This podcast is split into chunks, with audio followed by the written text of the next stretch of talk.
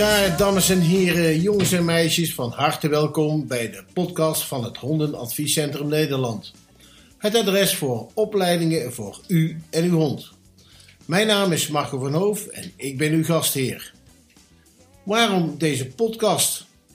Er is zoveel te vertellen over de hondenmaterie en daarom leek het ons leuk om een podcast te beginnen. Onderwerpen zoals oefeningen aanleren, de voeding, aanschaf van een pup, ziekte, probleemgedrag, ons puppyproject, cursussen, hondennieuws vanuit binnen- en buitenland en interviews met specialisten.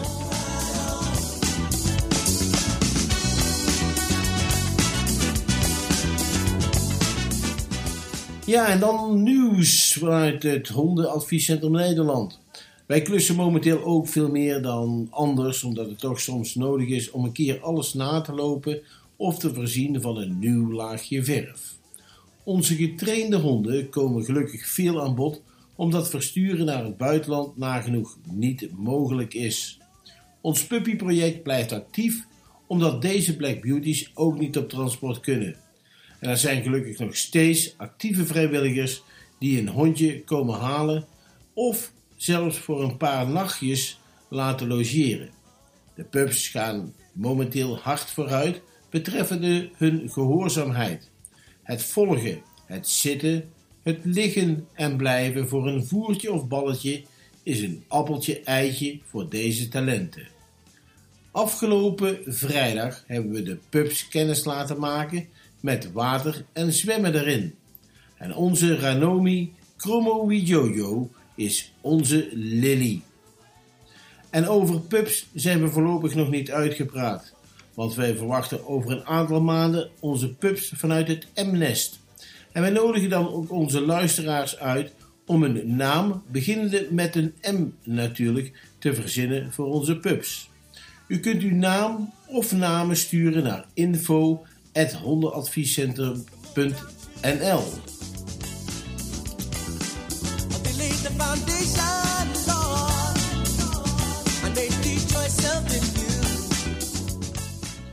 En ook het N-nest is al in de maak, want afgelopen zaterdag werd Indy gedekt door onze Hollandse herder Nick. Dus ook namen met een N van november kunnen altijd gestuurd worden naar info.hondenadviescentrum.nl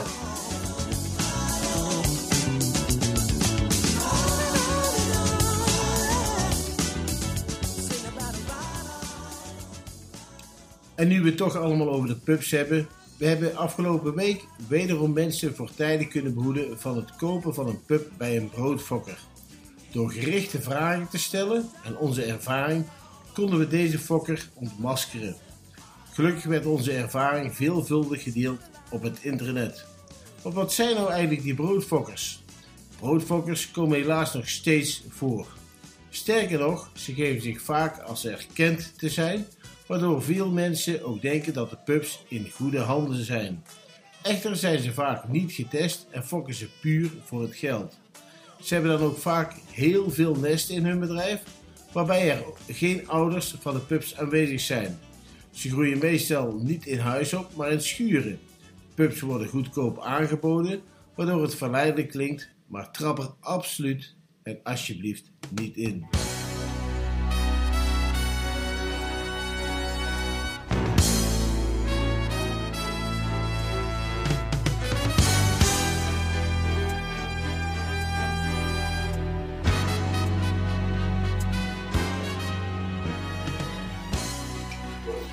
Geef u nog enkele tips, dames en heren, om een malafide hondenhandelaar te kunnen onderscheiden.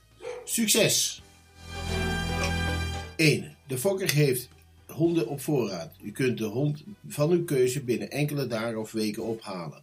De fokker verkoopt vaak ook meerdere typen of rassen. Nummer 2.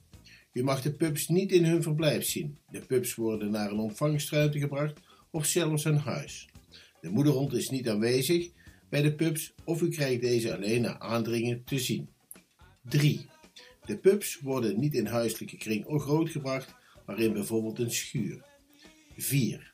De pubs zijn niet schoon of ogen zelfs niet fit, zijn angstig, sloom of lusteloos. 5. Er worden u geen kritische vragen gesteld als toekomstige eigenaar.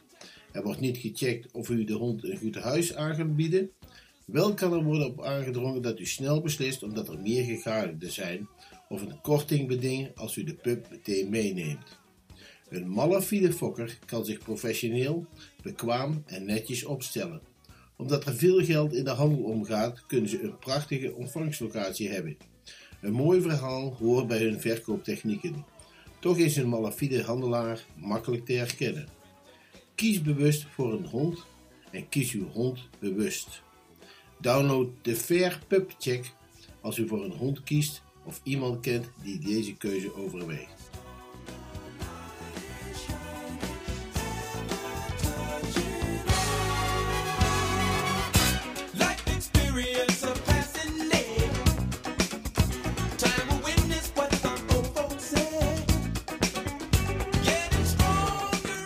De enige manier om broodfok te stoppen is door er geen pups te kopen.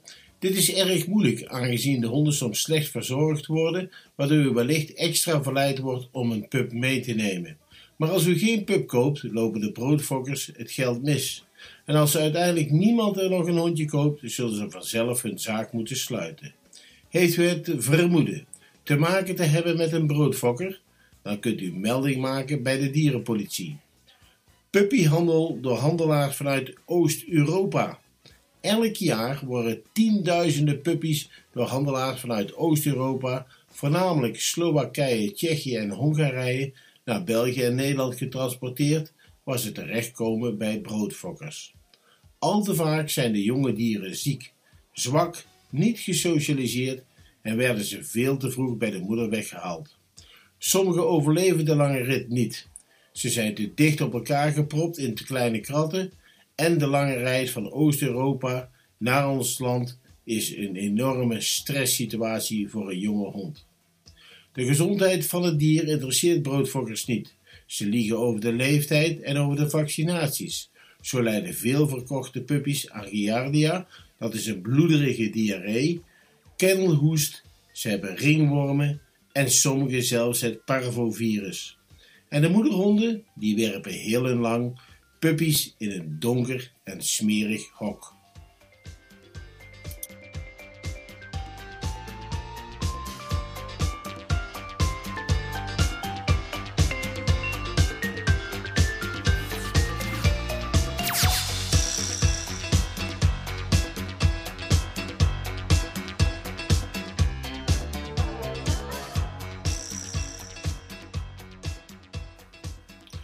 Probeer zoveel mogelijk informatie over de pup te krijgen. Waar de pup slaapt, speelt, eet en mag je dat plekje zien. Broodfokkers zijn normaliter terughoudend om de hondenverblijven te laten zien. Zie je in de verblijven nog veel meer honden? Hoe zien die eruit? Ga altijd twee of meerdere keren op bezoek om een goede indruk te krijgen. Broodfokkers hebben altijd een soort van toneelspel over zich om te vragen waar de pup wel terecht komt. En dat is enkel voor de vorm. De pup moet verkocht worden. Daarom zal de broodfokker alles eraan doen om dit door te laten gaan. Na de hand zal hij er niks om geven waar de pup terecht komt. Heeft de pup geen stamboom, controleer de papieren van de hond. Doorgaans hebben deze dieren geen stamboom. Zoek dan het genoemde chipnummer op internet op en kijk of deze geactiveerd of geregistreerd is. Kijk ook in het boekje, in het blauwe Europees vaccinatieboekje, of de papieren en de genoemde inentingen wel correct zijn. Bel je eigen dierenarts die deze gegevens heeft voor verificatie. Let op, het netwerk van de broodfokker kan erg groot zijn en soms hebben zij contact met malafide dierenartsenpraktijken.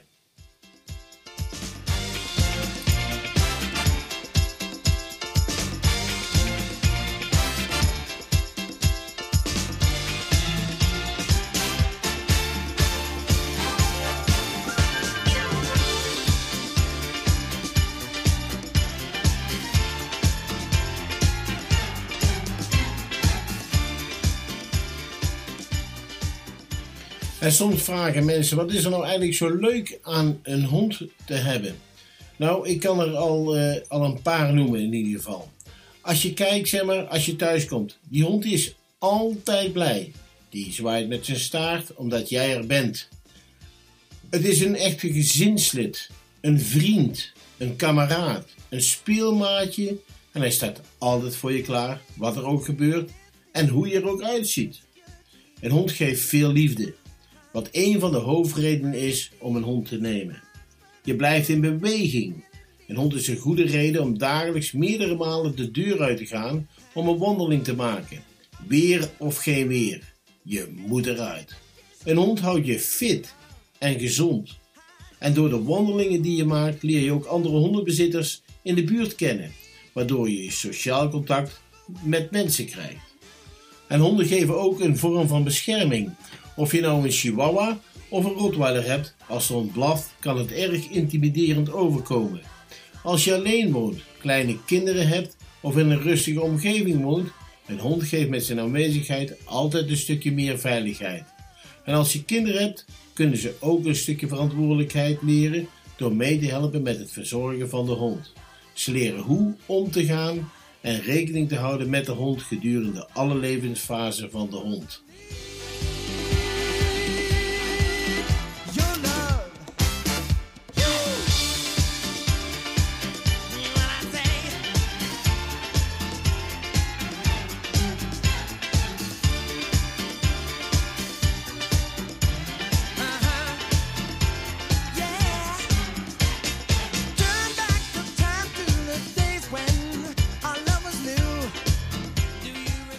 Dames en heren, jongens en meisjes, we gaan beginnen met het aanleren van een oefening. En we beginnen erg simpel met het woordje zit.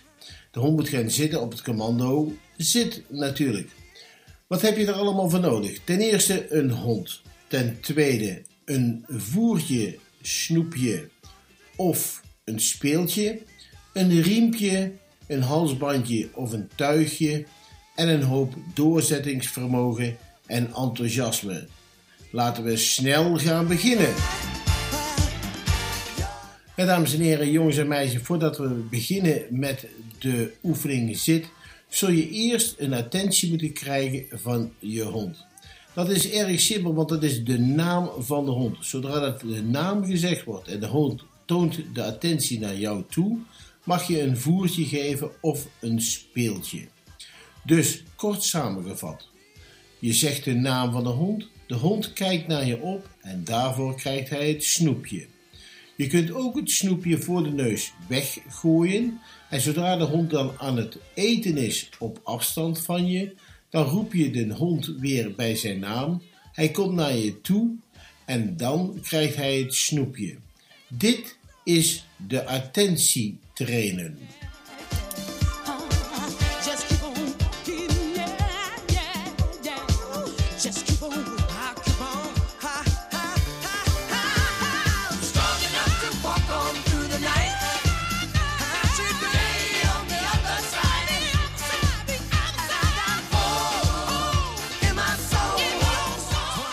Als de attentie zodanig goed is en telkens de hond naar je toe komt als de naam genoemd wordt, ben je goed bezig en dan gaan we nu over tot het zitcommando.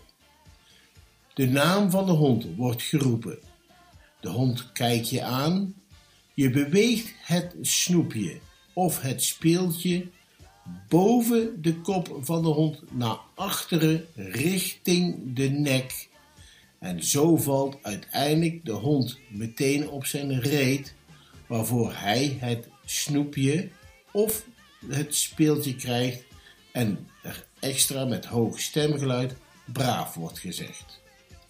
Dames en heren, deze oefening kun je dan een paar keer per dag herhalen. En zorg ervoor dat het wel leuk blijft voor de hond en natuurlijk ook voor uzelf. Succes en ik weet zeker dat het gaat lukken.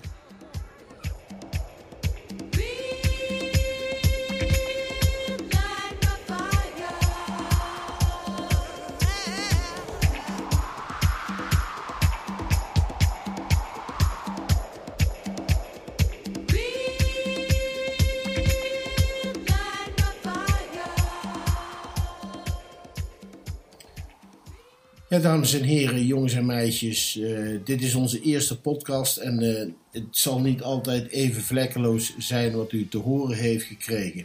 Maar wij willen graag uw feedback en al is het negatief of positief, heeft u op- of aanmerkingen, laat dat graag aan ons weten via onze e-mail info apenstaartje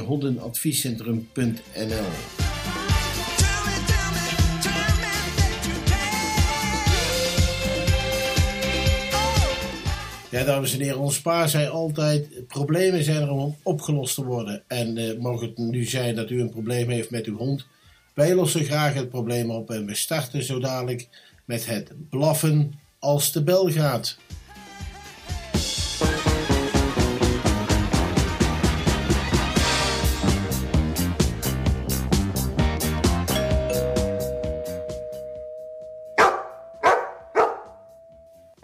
Stil! Hou stil! Hou stil! Bello! Hou stil! Schei uit! Dit is herkenning voor de meeste hondenbezitters. De deurbel gaat en de hond begint te blaffen. Eerst op een gewone toon wordt hij verwittigd, dan gaat er natuurlijk de volumeknop een beetje omhoog, totdat het schreeuwen vanuit buiten te horen is dat de hond aan het blaffen is en dat hij daarvoor vermaand wordt. Dames en heren, in deze podcast voor u de oplossing.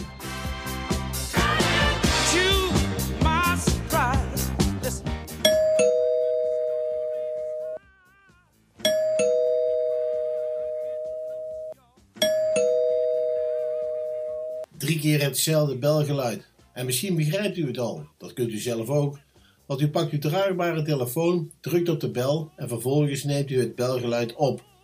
En dan de oplossing. U zet de hond naast u neer, met de riem aan. U heeft direct bij de hand een favoriete speeltje of een heel lekker snoepje.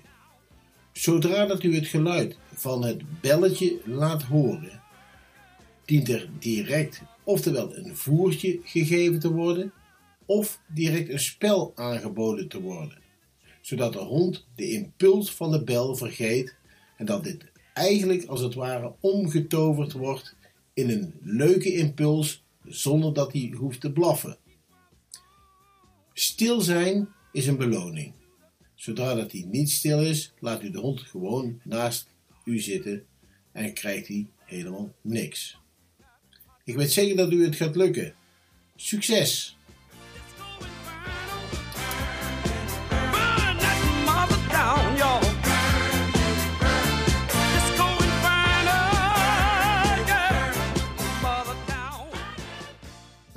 Hebben over voeding, dames en heren. De voeding voor uw hond. Enkel het beste voor uw hond, zeggen we wel eens. En eh, we laten elke week iemand aan het woord die iets over voeding kan vertellen. Deze week hebben we een specialiste gebeld. Dat is Ingrid Smolders. En Ingrid Smolders heeft een bedrijf Into the Wild. Ze is een eh, orthomoleculair therapeut en herboriste voor mens en hond. Ze schrijft voedingsadviezen op maat en daarna verzorgt ze als geregistreerd docenten cursussen, workshops zoals bijvoorbeeld orthomoleculair therapeut voor de hond, een fytotherapie voor dieren, gezonde hondenvoeding, etiketten lezen, enterisch zenuwstelsel, de verbinding tussen brein en darm, bloeduitslagen lezen en interpreteren en nog veel meer. Ze draagt graag de kennis over aan mensen om het welzijn van zichzelf en hun dieren te verbeteren. Dames en heren, we hebben ze gebeld en hier is ze, Ingrid Smolders. Ingrid, een goede middag. Goedemiddag Marco. Eh, ja, het is goed hè. Beetje vreemde tijden, maar eh, we gaan gewoon door met ons vak. Dus eh goedemiddag. Ja, goedemiddag. Het is, ja, het is een heel apart vak, want eh, ik heb wel wat langer moeten studeren op het woord orthomoleculair therapeut. En een heborist heb ik gelezen op je LinkedIn-profiel. maar kun je me nou eens uitleggen en de luisteraars eh, wat dat nou precies is? Ja, dat kan ik. Eh, ja, het woord heb ik ook niet bedacht. Eh dat hebben andere mensen al bedacht, anders had ik het niet zo ingewikkeld gemaakt. Ehm, maar het is eigenlijk best simpel. Een herberist is eh, een kruidenverzamelaar. Dus eh, iemand die kruiden weet te vinden eh, die ze kan verwerken tot producten die gebruikt worden. Eh, bijvoorbeeld oorspronkelijk in de natuurgeneeskunde, maar oorspronkelijk eh, eh, was dat eeuwen geleden zo. Maar ondertussen wordt het gewoon door iedereen gebruikt. Dus iemand die weet welke kruiden dat je kunt plukken, waar je ze kunt vinden, hoe je ze kunt verwerken en wat je ermee kunt doen.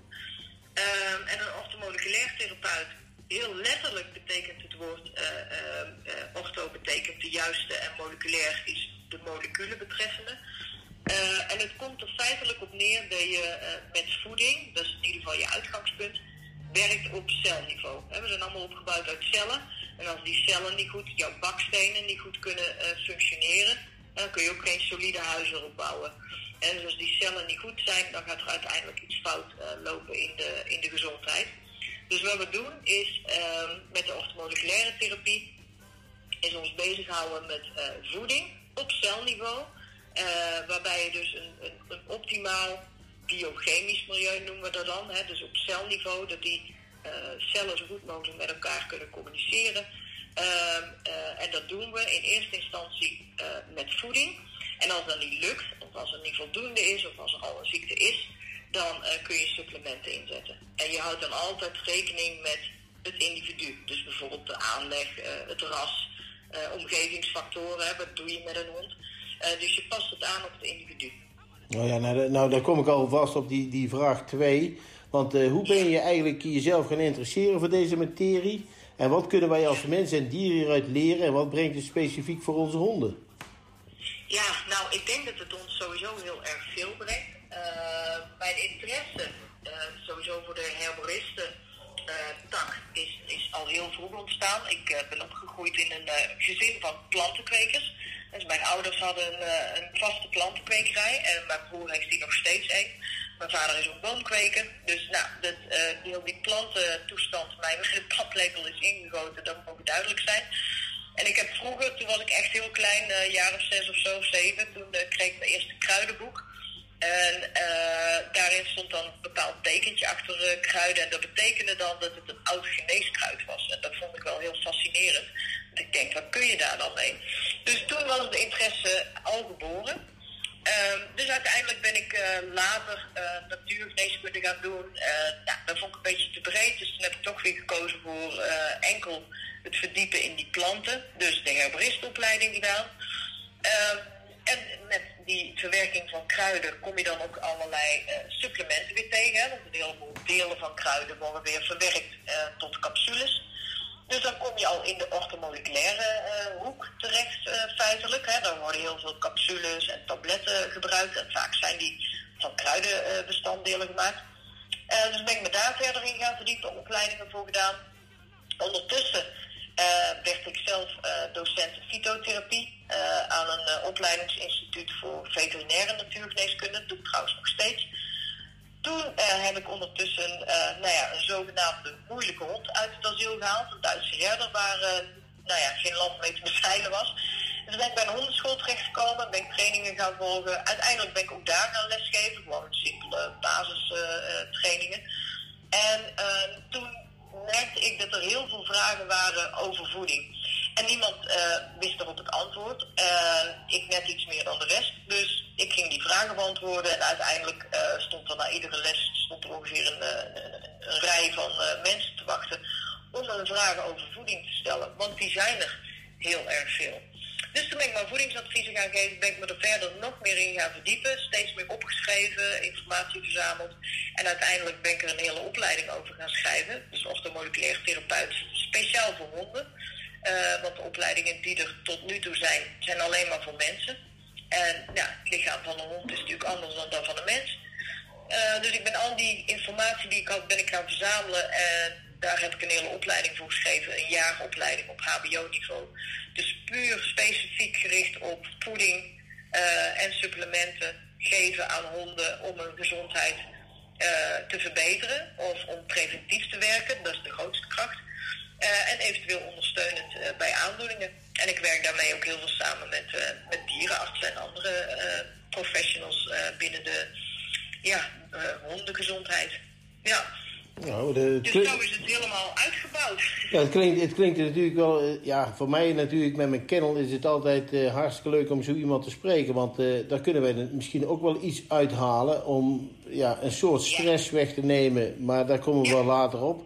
Ehm, Natuurlijk zijn er ook hier cursisten voor ons, bij ons die, die iets willen weten over voeding. En, en als ik jou nou een keuze zou moeten kunnen laten maken tussen gewoon een zak hondenvoer, simpel te geven, elke dag zoveel gram, of het voer zelf klaarmaken. Waar, waar kies jij dan voor? Ja, eigenlijk, ik vind dat zo'n... ehm, eh, ik, ik snap je vraag en ik hoor hem heel vaak. ehm, en dan draai ik het altijd om.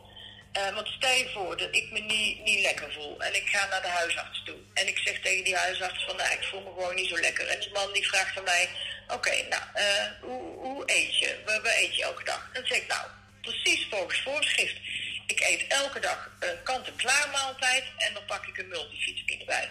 Dus precies wat ik moet doen, hè, ik verstoor daarmee geen balans, gewoon elke dag precies hetzelfde, zoals het hoort. Elke huisarts, mag ik hopen, zal dan toch zeggen, ja maar meid, eh, ga eens wat meer variatie toebrengen in je maaltijd. Ga eens wat meer verse producten eten. Eh, hè, voeg eens wat verse groenten in ons geval dan toe. En eh, eh, vette vis. Nou, in ieder geval gevarieerd en zoveel mogelijk onbewerkt eten. Dat is toch eigenlijk hetgene wat ze ons altijd adviseren. Nou, dan kom je terug bij die hond. En wat wordt dan geadviseerd? Een brokje. Een leven lang. Elke dag hetzelfde. Buiten het feit dat ik denk dat dat nooit eh, kan. Hè. We zijn geen machine waar elke dag dezelfde motorolie in moet. eh, denk ik ook dat het gewoon hartstikke vervelend is om elke dag hetzelfde te vreten. Ik moet er niet aan denken, eerlijk gezegd. Dus als je mij vraagt, als je, eh, van nou, wat zou je geven? Ik zou het natuurlijk zelf gaan samenstellen. Ik snap ook wel dat mensen zoiets hebben. Ja, daar heb ik helemaal geen zin in en daar heb ik helemaal geen tijd voor. Nee, dat, hoeft ook niet. Hè. Er is genoeg ehm, eh, voeding en keuze op de markt om zelf te gaan variëren zonder dat je daar zelf heel veel moeite voor moet doen. Maar hoe je het ook went of of dat dan als basis een goede brok is, want er zit natuurlijk ook heel veel verschil in, zeker tegenwoordig, of een goed merk rauw vlees. Als je daarmee gaat variëren of losse dingen gaat toevoegen, dan denk ik dat je qua welzijn en qua gezondheid van die honden, net als bij ons, een heel stuk verder gaat komen. Oké, nou ja. Het is, ik ben zelf natuurlijk een voorstander van verse voeding in verband met de vacht, met de ontlasting en de conditionele gesteldheid. Maar ehm, is, zou je nou denken, zeg maar, zeker voor onze honden die, die eigenlijk elke dag onder een bepaalde spanning staan, omdat ze in, Ja. een, in een kennelomgeving zitten, maar ze moeten ook Ja. functioneren, ze moeten zeg maar, veel werken. Ehm, is er, is, is er eigenlijk zeg maar, een, een, een, een alternatief hiervoor? Of zeg je van nou, als je in deze trend door blijft gaan, ehm, is, is dat beter voor mijn honden? Want ik zie alleen maar voordelen. Ja, ik, nee, ik voer mijn honden zelf. Ik heb zelf twee herders. eh, ik voer ze ook rauw. Eh, uiteraard, ja, bedoel, mijn vak is voeding. En, en voeding zal toch eh, zoveel mogelijk in mijn optiek in ieder geval onbewerkt moeten zijn. Ja, wat is dan onbewerkte verse voeding voor een carnivore? Ja, als basis is dat natuurlijk rauwe vleescomponenten. Hè? Want we denken dan altijd, ja, maar vlees dat is niet genoeg voor de hond. Nee, dat klopt. Ik vind een carnivore niet zozeer een, een, een vleeseter. Ik zou hem eigenlijk meer willen schalen onder een dode diereneter. Dus alle stukken van dat eh prooidier eet hij op. Dus een combinatie van botten, spiervlees en orgaanvlees. Eh, aangevuld met eh, groenten. Daar zal ik later nog wel iets eh, over vertellen. Waarom dat dan ook echt essentieel is. Dus echt onmisbaar.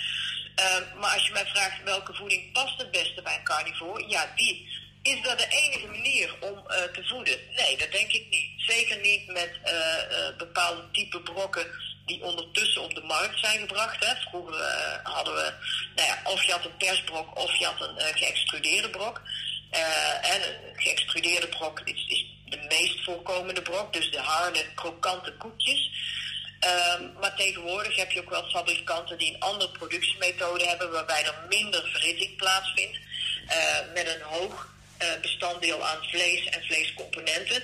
Dus ik denk dat als je bijvoorbeeld voor zo'n brok zou kiezen, eh, dat je ook al een heel eind komt. Zeker als je dat nog gaat aanvullen met bijvoorbeeld eens een keer groente, eh, of een keer een verse vis, of eh, nou, een keer rauw vlees tussendoor. En je kunt ook prima brok en vlees combineren. Er werd vroeger altijd gedacht van nou, dat kan niet. Nou, dat kan prima. Die, die hond, die vertering kan dat prima aan als je een brok met rauw vlees combineert. Dus dat is allemaal geen probleem. Dus er is heel veel op de markt tegenwoordig. Eh, en je kunt volop combineren en afwisselen eh, en variëren. Als je maar uitgaat van een soort van basisprincipe van wat die hond nodig heeft. Ja, want je, je hoort natuurlijk op het ogenblik veel eh, mensen klagen over de verharing. Mensen die klagen zeg maar, dat de hond jeuk heeft. Ehm, Ja. een, een veel voorkomende vraag, en dat hoor ik steeds meer, daar ben ik ook over aan het lezen gegaan, is dat Ja. de hond zeg maar, zijn eigen ontlasting opeet en dat hij heel veel verhaart. Zou, Ja. zou je daar een oorzaak van, van, van mee kunnen aangeven? Want, want je, Ja. je, je hoort wel dat ze zeg maar, de, eh, het, het voedingsmiddel, zeg maar, de brokken, die verhitten ze. Ja. Dan gaan er bepaalde vitamine gaan er, zeg maar, verloren.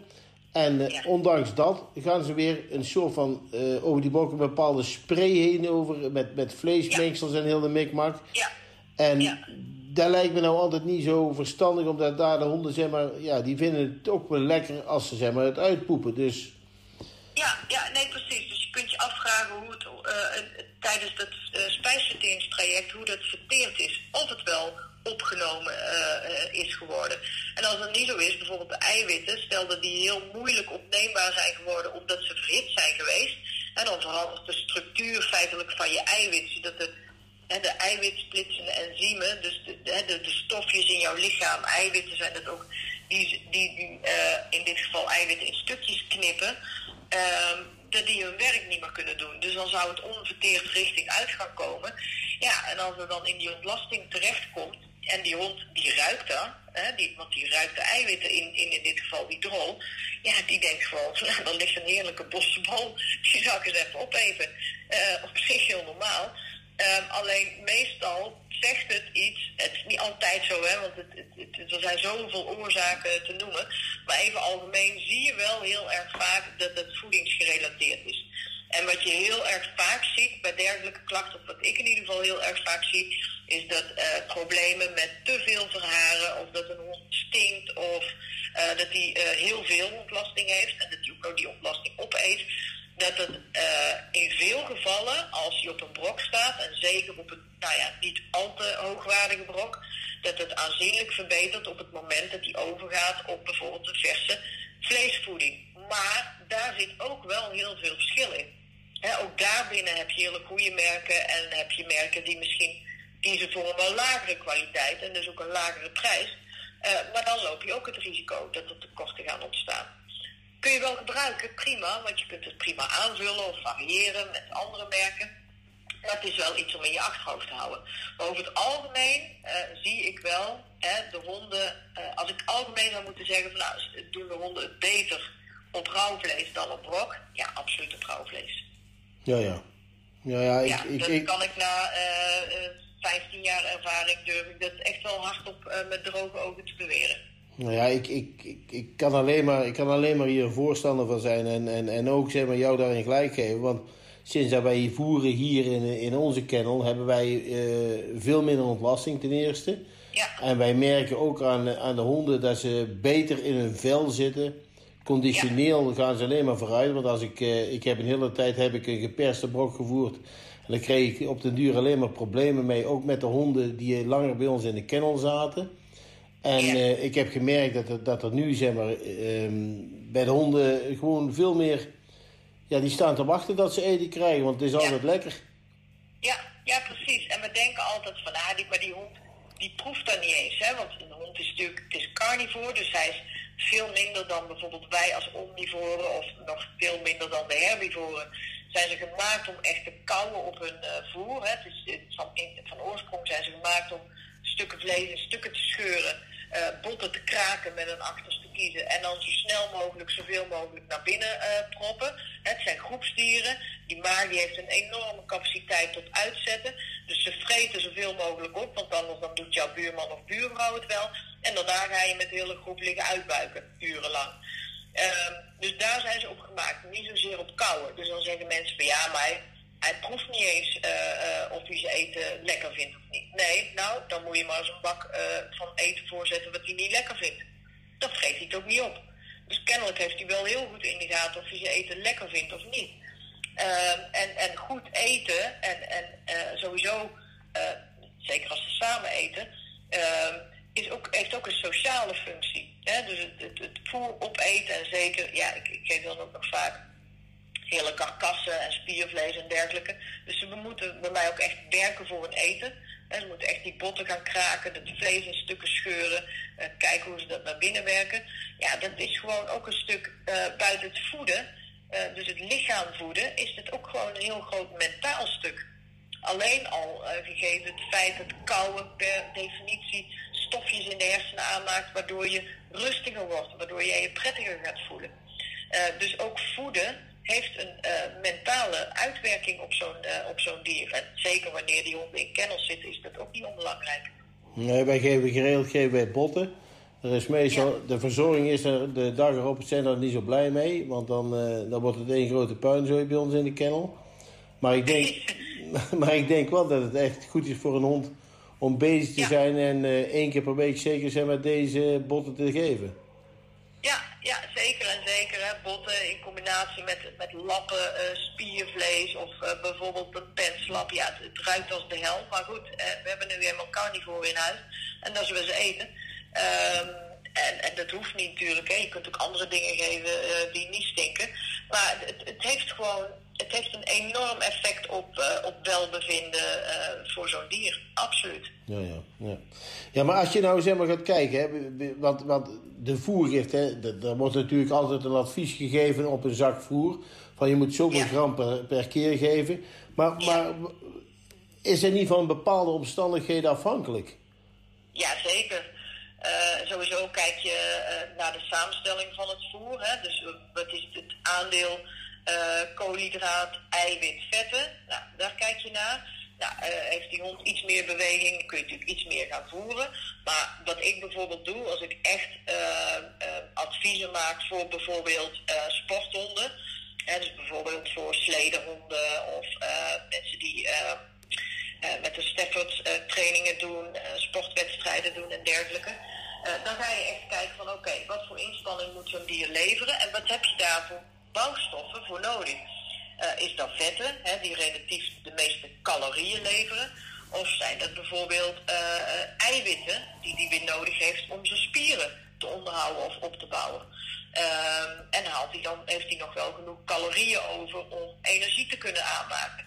En moeten er ook misschien nog wat koolhydraten bij? Het is ook afhankelijk van het klimaat. Hè? Het verbranden van eh, vetten geeft minder warmte vrij dan bij een hond dan het verbranden van koolhydraten. En zelfs daar kun je dan nog op inspelen. En zit zo'n hond in een koude omgeving, zou je bijvoorbeeld koolhydraten wat extra kunnen geven als hij meer calorieën nodig heeft, omdat er dan automatisch ook meer warmte bij vrijkomt. Dus je kunt het helemaal aanpassen aan het individu en natuurlijk ook aan het, aan het ras. Als jij vetten wil bijgeven en, en je hebt bijvoorbeeld een herder die wel gevoeliger zijn eh, voor de, op, de, op de pancreas, de alvleesklier, hè, die die vetten, eh, die nou, in ieder geval de vetverterende enzymen moet vrijgeven, dan moet je daar rekening mee houden. Hè. Kan die herder dat wel aan?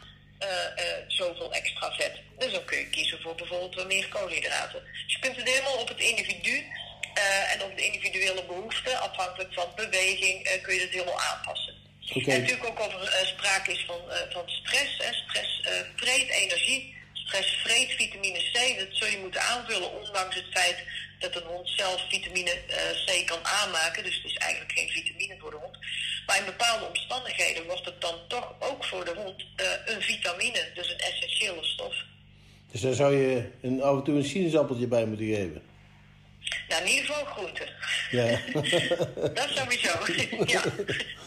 Maar het sinaasappeltje kan ook hoor. Ik heb er hier een zitten. En Als ik mandarijntjes eh, zit te pellen, nou dan kan ik eh, de twel erbij gaan halen. Dan komen de, de slijm, de kweldraden komen tevoorschijn. Ja, ja, wij, Ja. Hebben, wij hebben een hond gehad. Die, eh, want eh, ze zeggen dat, dat je zeg maar, de pitjes van een appel, die zijn, eh de, giftig Ja. voor een hond. Maar, Blauwzuur in. ja, blauwzuur. Heel minimaal. ja, minimaal. Maar onze Harry, dat was een Duitse herder. En hij, is 12, Ja. hij is 12 jaar oud geworden.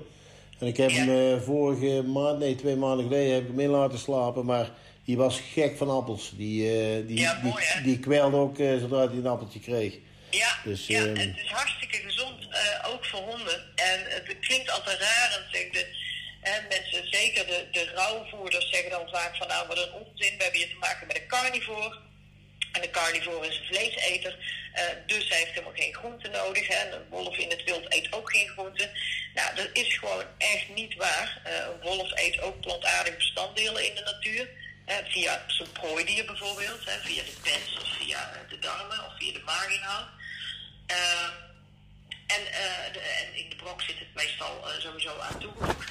En wolven eten ook bijvoorbeeld besjes en de graven wortels uit en dat soort dingen. Dus die krijgen echt wel plantaardige bestanddelen binnen en dat hebben ze ook nodig. Ja, veel van onze cursisten die vragen natuurlijk ook iets over voeding. Maar als ik ze nu doorstuur naar jou, Ingrid, en ze vragen om een voedingsadvies, wat krijgen ze dan daarvoor? Ja, eh, wat er speelt. Hè. Dus eh, stel dat ze gewoon vragen hebben over voeding. eh, van goh, ik geef mijn hond dit merk of waar kan ik goed voer vinden. Of mijn hond eet ontlasting van de pot, wat moet ik daaraan doen? Dan krijgen ze daar gewoon antwoord op. Ik ben daar niet zo moeilijk in. ik vind dat, daar hoeven ze allemaal niet voor te betalen. Ik geef daar gewoon antwoord op. Het is gewoon informatie verstrekken. Eh, ik geef daar veel eh, workshops eh, ook over. En als er echt, kijk, als er iets speelt, als er een, gezondheidsprobleem is, is bijvoorbeeld al een diagnose gesteld door een dierenarts, stel de hond heeft, ik noem maar wat, nierinsufficiëntie, dan, eh, nou, ik vraag altijd aan de eigenaar of ze ook de, de onderzoeken die zijn gedaan door de dierenarts of door het laboratorium, of ze die willen doorsturen naar me.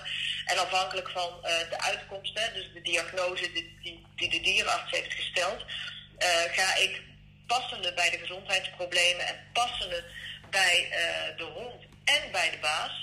Want ik vind het heel belangrijk dat wat ik voorschrijf qua voeding, dat het ook uitvoerbaar is voor het baasje. Ik kan wel heel leuk gaan zeggen van nou je moet elke dag, ik noem maar wat penslappen gaan snijden. Als ik een baasje heb die elke ochtend kokhalzen boven die bak staat, dan heb ik volgens mij niet goede advies gegeven. Dus moet voor alle partijen moet het uitvoerbaar zijn en uiteindelijk eh, de gezondheid van zo'n dier ondersteunen. En dan ga ik dit op maat eh, voor ze maken. Nou, er zullen zeker cursisten zijn die hier een beroep op doen, want eh, ik kan er toch wel al een paar in mijn hoofd bedenken die hier toch wel erg mee zitten. En Ingrid, er wordt natuurlijk ontzettend veel geschreven op dat internet. Maar stoort dit jou eh, af en toe niet, eh, al die verhalen op dat Er internet? zijn heel veel misverstanden over voeding. Eh, er wordt heel veel onzin natuurlijk geschreven. We hebben natuurlijk tegenwoordig internet met allerlei groepen over voeding. En ik ben altijd een meelezer. Ik, ik typ nooit iets. Ehm, maar ik lees natuurlijk wel alle vragen die gesteld worden en de antwoorden die erop worden gegeven. En ja, ik zit soms wel echt eh tenenkrommend achter de laptop van oh god, als dit maar goed gaat. Ehm, waarbij mensen elkaar dan ook nog eens heel vaak gaan napraten. Hè? Als iemand iets heeft gezegd en het, wordt aannemelijk gevonden, of wa- waarom dan ook, eh, dan wordt er door iedereen nageroepen. Eh, waarbij er echt gewoon heel veel onzinnige dingen worden geroepen en soms zelfs ook gevaarlijke dingen. Het spreekwoord eh, leert: schoenmaker, blijf bij je leest. Ga niet allemaal eh, alles van internet eh, proberen te halen, want de kennis eh, die haal je bij een specialist. Zo denk ik erover in ieder geval. Als ik iets moet weten over de voeding, dan kom ik bij Ingrid Smolders.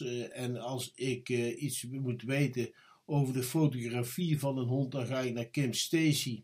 En al ga die twee komen die voor een probleem betreffende een hond, dan hoop ik dat ze bij mij terechtkomen. Ehm, het brengt me bij de volgende vraag, Ingrid, eh, om dit af te sluiten. Want ehm, ik wil iets graag weten over kruiden. Eh, de kruiden die worden gebruikt, en ik heb iets gelezen over het eh, gebruik van tijm, dat het eventueel zeg goed zou zijn om de wormen af te drijven van een hond. Kun je me daar iets meer over vertellen? Mhm. Ja, er valt, zoals over alles, valt er wel het een en ander over te zeggen. Ehm, allereerst is er sprake van een wormbesmetting. Hè. Dat zou je eigenlijk pas weten op het moment dat je gaat testen. En dus dat je de ontlasting gaat eh, onderzoeken op wormeitjes. Dat kan bij de dierenarts of dat kun je door een laboratorium laten doen. En dus dat is punt 1. Stel dan dat er een wormbesmetting is. Eh, natuurlijk kun je afvragen, stel dat het je huishond is en hij heeft keer op keer een wormbesmetting. Dan kun je wel afvragen, nou hoe kan dat nou? Is die besmettingsdruk bijvoorbeeld heel erg hoog? Hè? Dus gaat hij bijvoorbeeld elke dag naar zo'n hondenwijtje toe eh, waar 300 honden zitten te kakken. eh, en heb je daardoor eh, telkens weer een herbesmetting eh, met wormeitjes. Dan zou je daar iets aan kunnen doen. Is dat niet zo, dan zou je kunnen afvragen van hoe is het met het immuunsysteem van die hond. Want hè, bij een normale gezonde hond zou het dan heel erg raar zijn dat hij keer op keer een, eh, een wormbesmetting heeft. Nou, als hij dat dan toch heeft en je wil er iets tegen doen, kun je natuurlijk ontwormingsmiddel geven eh, regulier, gewoon eh, van de dierenarts. Of je kunt inderdaad kiezen, ik ga het aanpakken met kruiden. Er zijn zeker kruiden die wormdrijvend werken. Tijm is er daar eentje van en er zijn er wel meer. Eh, ook bijvoorbeeld eh, de zaden van eh, de olie uit de zaden van pompoenpitten bevat een bepaalde stof die wormdodend werkt. Ehm, zo heb je nog wel meer planten, boerenwormkruid, werkt ook wormdrijvend, zoals ze dat dan zeggen. Eh, alleen wat vaak lastig is, kruiden zijn niet gestandaardiseerd. Hè? Dus als jij een eetlepel tijm geeft, dan zit daar niet per eetlepel dezelfde hoeveelheid werkzame stof in die dan die wormen zouden kunnen doden. En dus dan zou je al op een preparaat uit moeten komen. Dus bijvoorbeeld een capsule waarin het gestandaardiseerd is. En dan nog, hoeveel ga je dan geven per kilo hond? Eh, en er zijn nog geen richtlijnen voor. Daarnaast zijn er een aantal kruiden, zoals bijvoorbeeld boerenwormkruid, waarbij de therapeutische dosis zo dicht bij eh, de dodelijke dosis ligt, dat het geen geschikt kruid meer is om eh, wormen mee te verdrijven. Ehm Hè, dus dan komt het soms wel in mengsels voor. Alleen de vraag is dan natuurlijk van ja, hoeveel zit er dan uiteindelijk in? Waarschijnlijk heel erg weinig. Hè? Want ze willen natuurlijk niet dat die eh, honden voor altijd van de worm af zijn. Hè? Dus dat ze de hond hebben gedood omdat de dosis te hoog was. Dus het is wat, het is wat lastig. In, in theorie zou je dat zeker kunnen stellen. Eh, je mag het überhaupt niet zomaar claimen. Dan kom je natuurlijk bij de bekende eh, claimwet uit. Ehm, dus je moet daar heel voorzichtig mee zijn. Eh, en daarbij het, bepalen van de dosering, dat is heel erg lastig. Eh, dus ik denk, het werkt, zeker, in, in theorie überhaupt. Ehm, en ik denk zeker dat de grote kracht is om preventief te werken. Dus stel dat er wat darmparasieten zijn, bijvoorbeeld wormen, eh, dat je door het inzetten van kruiden, en dan kom je toch weer uit bij een gevarieerde voeding, dat je daarmee eh, de kans op echt een toename van die parasieten in de darm eh, gaat afremmen. En zelfs kunt zorgen dat ze uit die darm verwijderd gaan worden. Absoluut.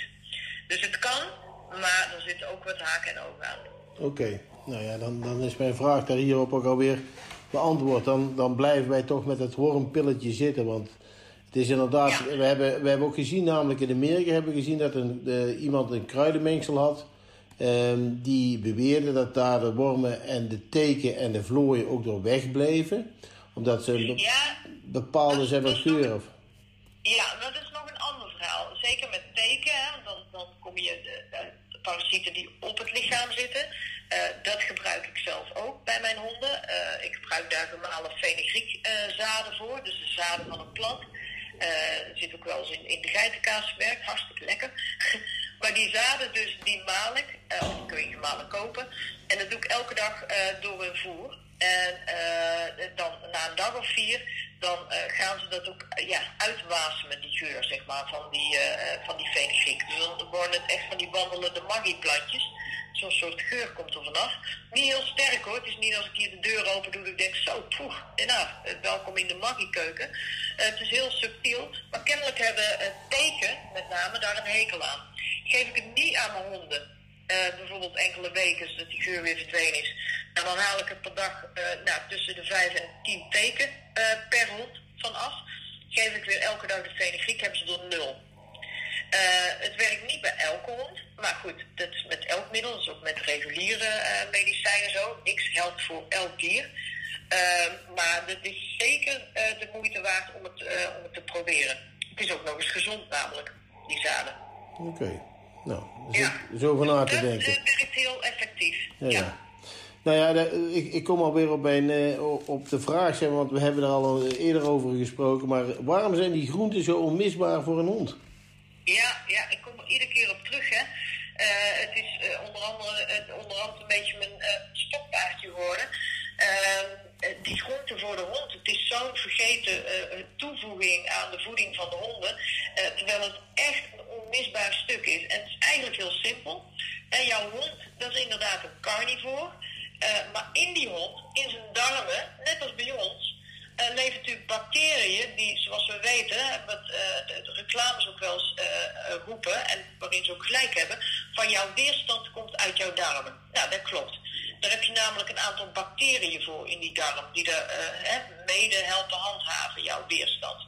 Dus die hond is er wel een carnivore, maar die bacteriën in de darm, hè, die zo belangrijk zijn voor goede gezondheid, dat zijn over het algemeen zijn dat vezelverteerders, groentevezelverteerders.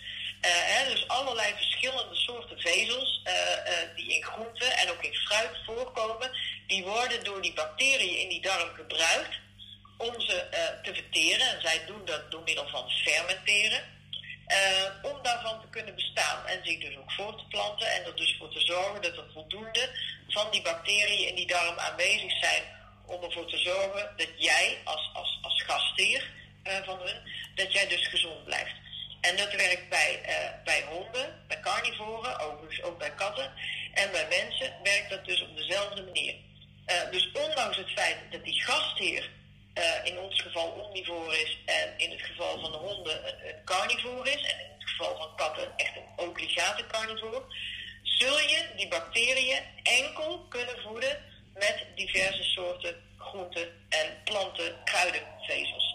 Dus je ontkomt daar niet aan. Want als je die bacteriën niet voedt, dan ondermijn je dus je gezondheid. Oké, en, en welke, welke groenten zijn nou erg goed voor de hond?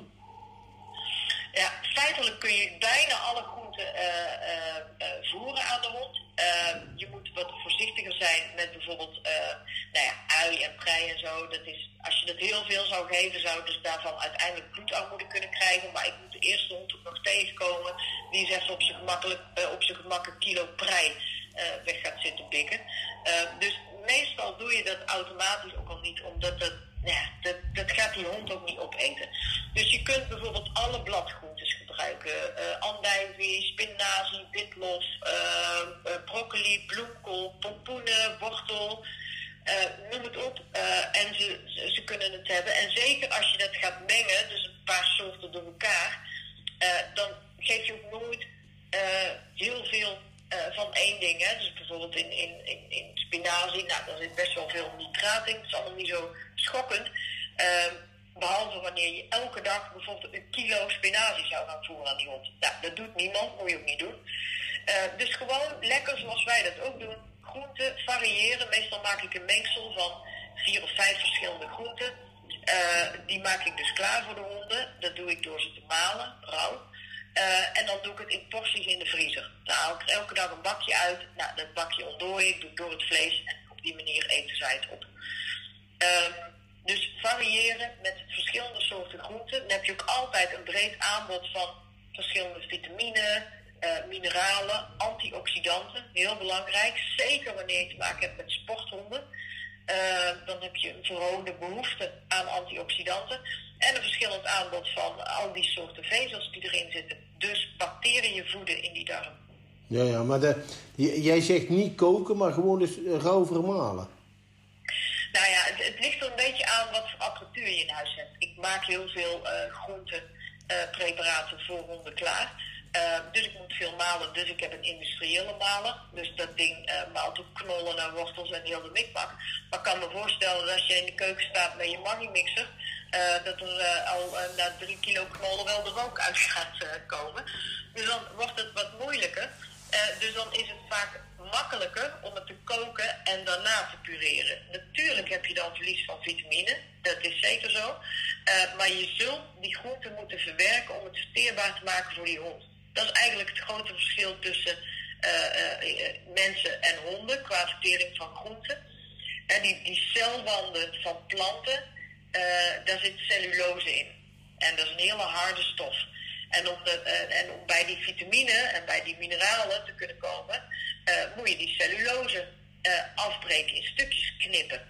En daar heb je weer een enzym voor nodig. Cellulase. Het lijkt op cellulose, maar cellulase is het enzym wat dat in stukjes knipt. Maar honden en katten, die hebben dat enzym. Dus die kunnen die, die bakstenen randen, die kunnen ze niet in stukjes knippen. Dus ze kunnen niet bij de inhoud, bij die vitamine, bij die mineralen, bij al die stoffen die erin zitten, die je zo graag wil geven aan die hond. Dus oftewel, wij zullen die, eh, die, die randen, die cellulose, zullen kapot moeten maken, zodat die hond vervolgens die nutriënten kan opnemen. Nou, dat doe je bijvoorbeeld door het rauw helemaal fijn te malen tot een babypapje. En als dat niet lukt, omdat jouw maler niet sterk genoeg is, dan kun je ervoor kiezen om het met een beetje water, om het te koken. Ja, een minuut of tien, een beetje afhankelijk van wat jij kookt. En dan liefst met het aanhangende vocht nog een keer te pureren. Koken maakt die cellulose namelijk meestal niet helemaal stuk, maar wel een stuk zachter. Waardoor je het daarna met een mixer heel makkelijk alsnog helemaal tot een puree kunt malen. En dan kun je het elke dag aan hond geven. Maar ik hou meestal als gemiddelde aan ongeveer 2 gram groente per kilo hond per dag. Dus een hond van 20 kilo eet bij mij gemiddeld zo'n 40 gram groente per dag. Ja, doe maar, ja, ik denk wel dat ongeveer dat wij er ook wel aan zitten, ja. Ja, zeker wel trouwens. Ja, ja, ja. ja. Gewoon als richtlijn. Je kunt meer, je kunt wat minder, maar dat is ongeveer hè, een uitgangspunt eh, om aan mensen mee te geven hoeveel ze dan kunnen voeren. Oké. Ehm, nou, nou kom ik op een vraag eh, vanuit een cursist van mij. Ehm, de cursist eh, heeft droogvoer geprobeerd. krabt zich zo ontzettend veel aan zijn oren. Het is, een Ja. het is wel een hond met flaporen, moet ik zeggen. Ja, Ehm, ik heb hem geadviseerd om op vers vlees eh, te zetten. Die hond die is Ja. daardoor een heel stuk beter geworden. Enkel de man wil geen vers vlees geven en heeft destijds toen weer besloten, of tenminste dat is pas geleden gebeurd, om weer op eh, gewone brok. Sindsdien, sindsdien heeft hij weer precies hetzelfde probleem. Hond krabt zich zo ontzettend dat hij ja, echt zijn oren die bloeden van het krabben. Ja. Wat denk jij? Nou ja, goed, als al sowieso is gebleken dat die op, op rauw vlees dat de klachten verdwijnen, adviseer ik uiteraard om eh, liefst zo snel mogelijk weer terug te gaan eh, op vers vlees. Eh, want kennelijk hielp dat. Eh, dus kennelijk zit er iets in die brok, eh, of door het verhitten van de brok, hè, dat de, de samenstelling veranderd is, eh, waar die hond niet tegen kan, waarop hij gaat reageren. Kijk, normaal gesproken had ik dit, de voorgeschiedenis niet geweten. En komt er bij mij een hond binnen die enorm krabt aan zijn oren, die ook terugkerende oorontstekingen heeft en bepaalde jeukklachten. Eh, ja, dan stuur ik ze altijd eh, liefst eerst door echt naar een dermatoloog, naar een specialist. Wat ik eerder al zei, je moet doen waar je goed in bent. Dermatologen zijn natuurlijk heel erg goed op het gebied van huid en huidproblematiek en dus ook op het gebied van allergieën. Eh zij kunnen natuurlijk heel goed kijken, ze maken een afkrapsel eh, van die huid en dan gaan ze kijken. eh, wat zit er nou in? Zijn het gisten? Is het een, een bacteriële infectie? Is die gehoorgang nog wel open? Heel vaak zien we terugkerende oorontstekingen. En dan is die, dat binnenoor is zo gaan verkalken en, en, en verdikt geworden, dat die gehoorgang helemaal dicht zit. Dan kun jij voer aanpassen tot jij een. Eh, maar dat gaat het probleem nooit meer oplossen, want die gehoorgang zal gewoon opengemaakt moeten worden. Eh, maar dan moet dat wel worden vastgesteld en dat doet een specialist. Ehm, en als er dan een allergie is vastgesteld, dan eh, gaan we meestal samen kijken van nou, hoe gaan we dan een eliminatiedieet opstellen. En dan gaan ze een eiwitbron eh, als voeding krijgen, acht weken lang, om te zien of de klachten dan ook af gaan nemen. Als dat zo is, dan ga je daarna ga je provoceren, zoals ze dat noemen. Dus dan ga je de eiwitbron waarvan je denkt dat die allergisch is, hè, bijvoorbeeld kip-eiwit hoor je nog alles. Eh, dan ga je dus het kippenvlees weer toedienen na die acht weken. Eh, krijg je dan weer een enorme opleving van de klachten, dan weet je dus ook dat het om de kip ging. En dan haal je die eruit. Meestal zijn die klachten dan ook meteen weer verdwenen. En dus je kunt het vrij veilig ook toepassen, dat provoceren. Maar in dit geval, waarbij je dus al weet feitelijk wat de oplossing was, namelijk verandering van voeding van brok naar rauw en waar dat dan al ligt. Misschien zit er een andere eiwitbron in het rauwe ten opzichte van de brok. Misschien zijn de eiwitten in de brok moeilijker verteerbaar voor deze hond omdat ze verhit zijn geweest. Hoe dan ook, wie zal het zeggen? Feit is dat die hond het daar veel beter op doet. Dus ja, ik zou natuurlijk meteen adviseren, ga alsjeblieft terug op, eh, op de rauwe vleesvoeding die je gaf waarop het dier klachtenvrij was.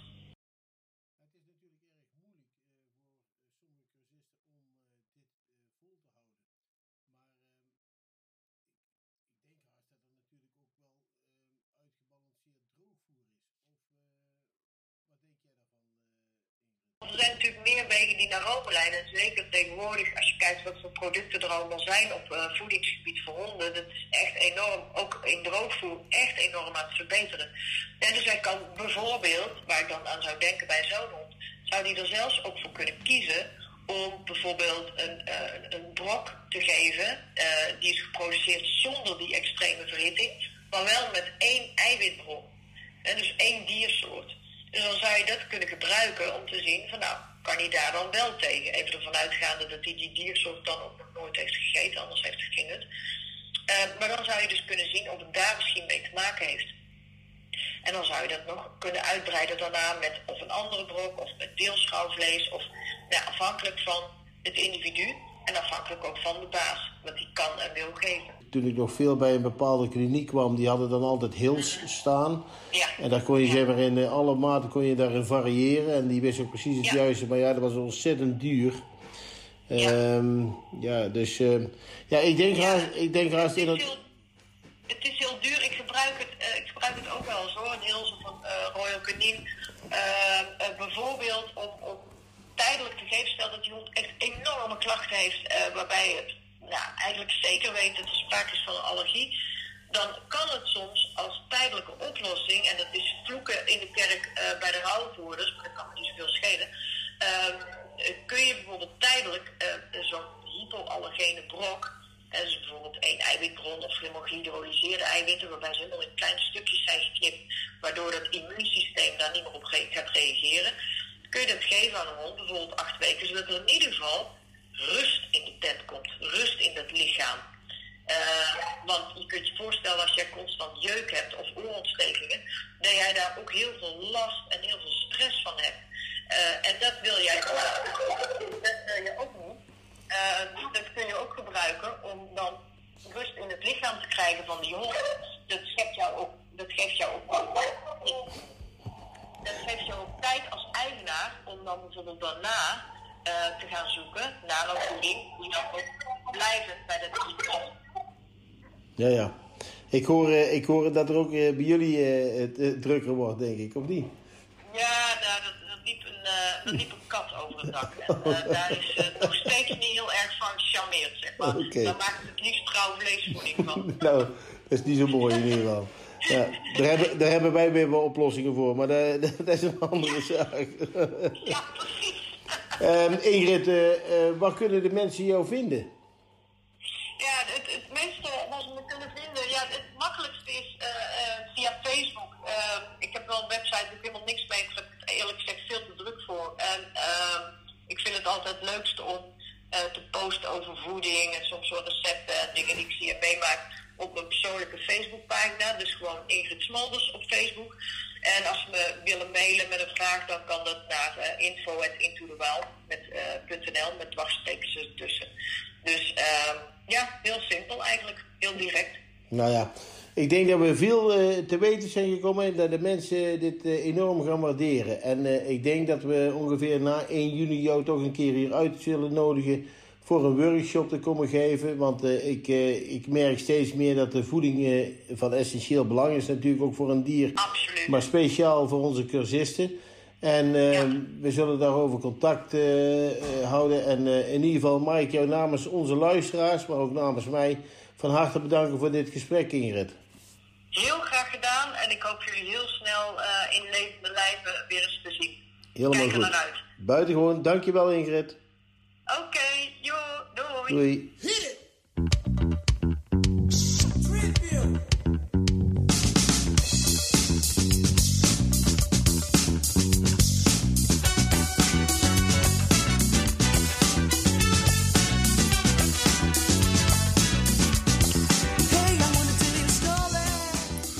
We zijn aan het einde gekomen van deze podcast. 1 minuut en 5 minuten hebben we erover gedaan. En we vinden het hartstikke leuk om het gemaakt te hebben. Dames en heren, de volgende podcast zal over 14 dagen online staan. Onderwerpen als fotografie van uw hond door Kim Stacy, maar ook droogvoer door Berry de Bruin. En we gaan langs Frits Verstappen, die het enigszins iets kan uitleggen over de vlooienallergie. Dames en heren, mijn naam is Marco van Hoof. Ik ben van het Hondenadviescentrum Nederland. Opleidingen voor u en uw hond. Bedankt voor het luisteren en wellicht tot een volgende keer.